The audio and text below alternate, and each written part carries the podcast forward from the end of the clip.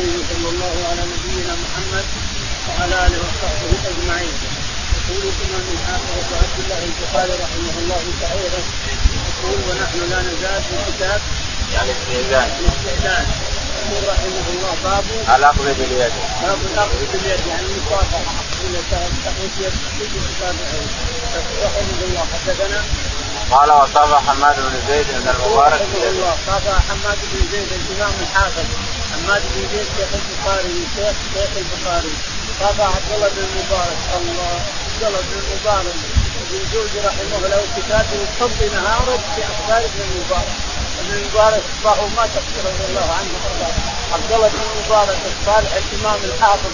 كرم شجاعه سنة يقاتل في سبيل الله في عنده طلبة 4000 يقاتلون يروحون يقاتلون وسنة يحجون هذا وكل إنسان معروف اسمه عنده قال قضي نهارك يقول ابن جوزي قضي نهارك في أخبار ابن المبارك أخباره كلها نور رضي الله عنه وأرضاه فصاب حماد بن زيد صاب عبد الله بن المبارك رضي الله عنهما الاثنين أئمة من أئمة المسلمين نعم.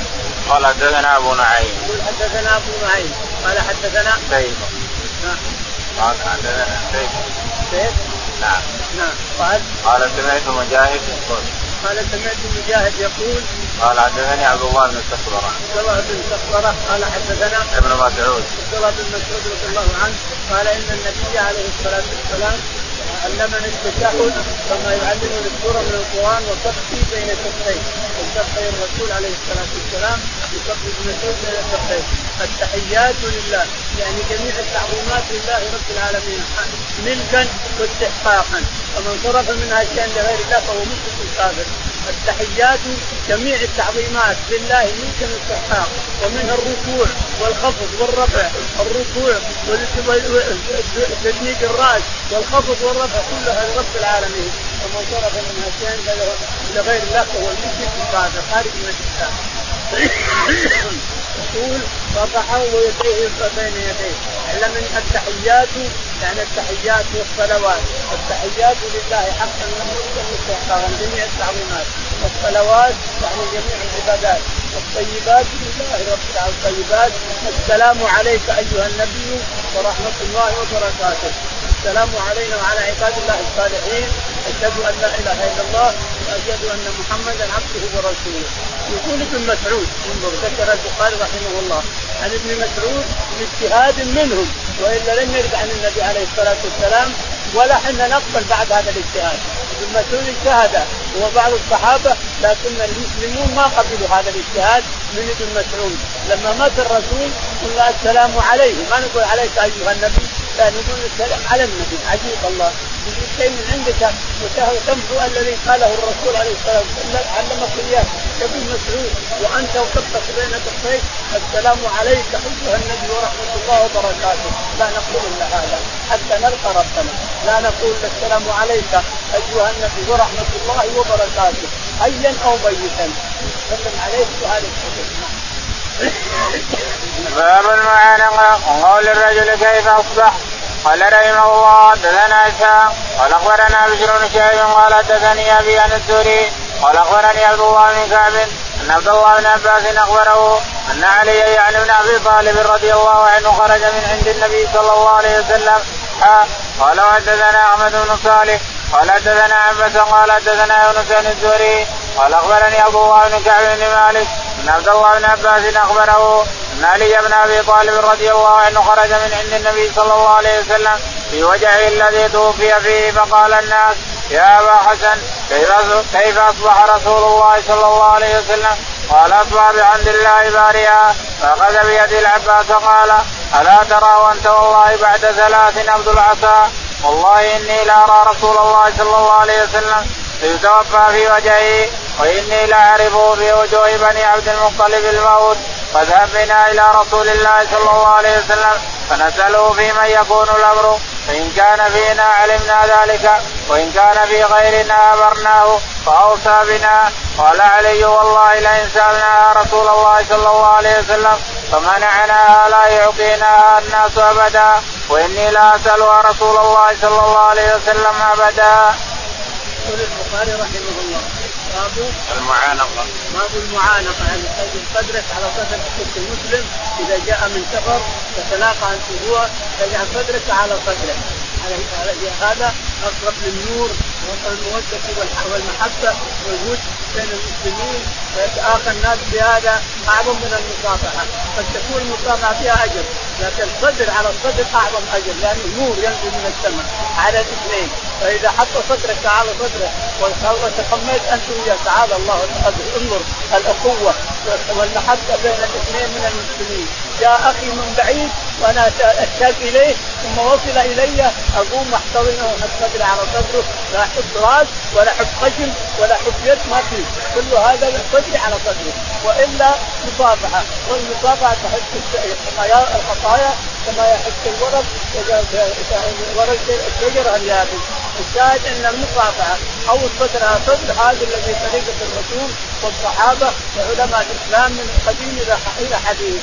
لا يمكن لمسلم أن يقبل يد أحد أو يقبل خشم أحد أو يقبل رأس أحد. ما يمكن للمسلم الذي يؤمن بالله واليوم الآخر. صافحه تحت خطاياكما. تعتنقه صدرك على صدره. هذا هو اللي حصل.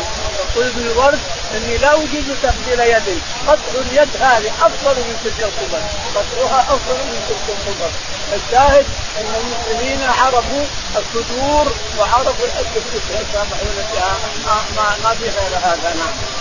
قال حدثنا إسحاق بن راهب حدثنا إسحاق. قال حدثنا بشر بن سعيد. بشر بن سعيد قال حدثنا عن أبي سعيد. عن أبي سعيد قال حدثنا الزهري. عن الزهري قال عن عبد الله بن كعب بن عن عبد الله بن كعب بن مالك عن عن عبد الله بن عباس. عن عبد الله بن عباس رضي الله تعالى قال عن علي بن أبي طالب. عن علي رضي الله تعالى عنه ثم حولت ثم حول قال حدثنا أحمد بن صالح. حدثنا أحمد بن صالح. قال حدثنا عن بكر. عن بكر قال عن يونس عن الزهري. عن يونس عن الزهري قال عن عبد الله بن كعب. عن عبد الله بن كعب قال عن عبد الله بن عباس عن علي. عن عبد الله بن عباس رضي الله تعالى عنه عن علي. ان العباس رضي الله تعالى عنه علي رضي الله عنه خرج من الرسول عليه الصلاة والسلام وهو يموت. فقيل له كيف حال النبي عليه الصلاة والسلام؟ قال اصبح بارع يعني خلاص الألم عدا فيه ألم خلاص راح الألم نزل الموت وراح الألم. ما دام الموت نزل فلا في ألم. قال اصبح بارع يعني ما في ألم خلاص لأن الموت نزل.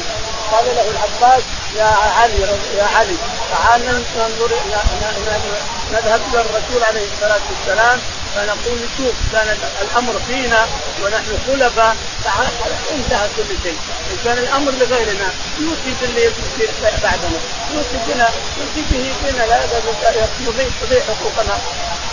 نحن بني عبد المطلب فقال علي رضي الله تعالى لو سالناها اياه ومنعنا اياه والله ما تاتينا اياه الناس ما تاتينا اياه الناس اطلاقا وعلي رضي الله صار خليفه لأنه لو دخل على الرسول ومنعه اياه ما صار خليفه بعد عثمان رضي الله عنه صار خليفه قريب إلى إلى سنه 39 حافلة حين قتل وصار ولده بعده.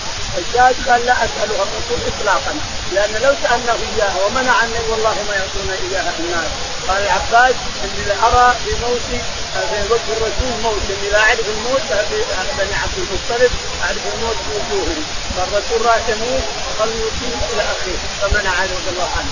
علي افقه في هذه المسألة من العباس رضي الله عنه لانهم لو سالوه إياها ومنع ما يحكم اياه اطلاقا ولا يصير علي خليفه بعد ولا يصير من هذا. فعلي أحكم وافهم من من العباس رضي الله عنهما أجمعين. باب من اجاب بلبيك وسعديك قال رحمه الله حدثنا موسى بن إسماعيل. قال حدثنا من قتاد عن أنس رضي الله عنه عن معاذ رضي الله عنه قال أنا رديف النبي صلى الله عليه وسلم. قال يا معاذ قلت لبيك وسعديك ثم قال مثله ثلاثة. هل تدري ما حق الله على العباد؟ قلت لا.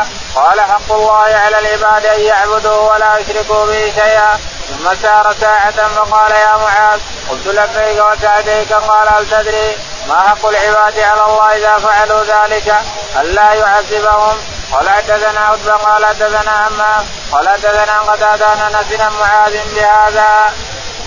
رحمه الله وابو من قال لبيك وسعديك حدثنا موسى بن إسماعيل. بن إسماعيل. قال حدثنا حمام بن يحيى. حمام بن يحيى. قال حدثنا قتادة عن أنس. أنس رضي الله عنه أن النبي عليه الصلاة والسلام ركب معه معاذ بن جبل على حمار. يقول معاذ كنت ردف النبي عليه الصلاة والسلام على حمار؟ فقال يا معاذ قلت لبيك وسعديك هذا الشاهد يعني إذا قال أخوك المسلم يا فلان يقول لبيك وسعديك هذه من السنن الذي اتبع الرسول معاذ رضي الله عنه. فلان لبيك وسعديك نسال الله الكريم أحسن الكلام هذا. قال لبيك وسعديك قال تدري ما حق الله على العباد؟ قلت الله ورسوله أعلم.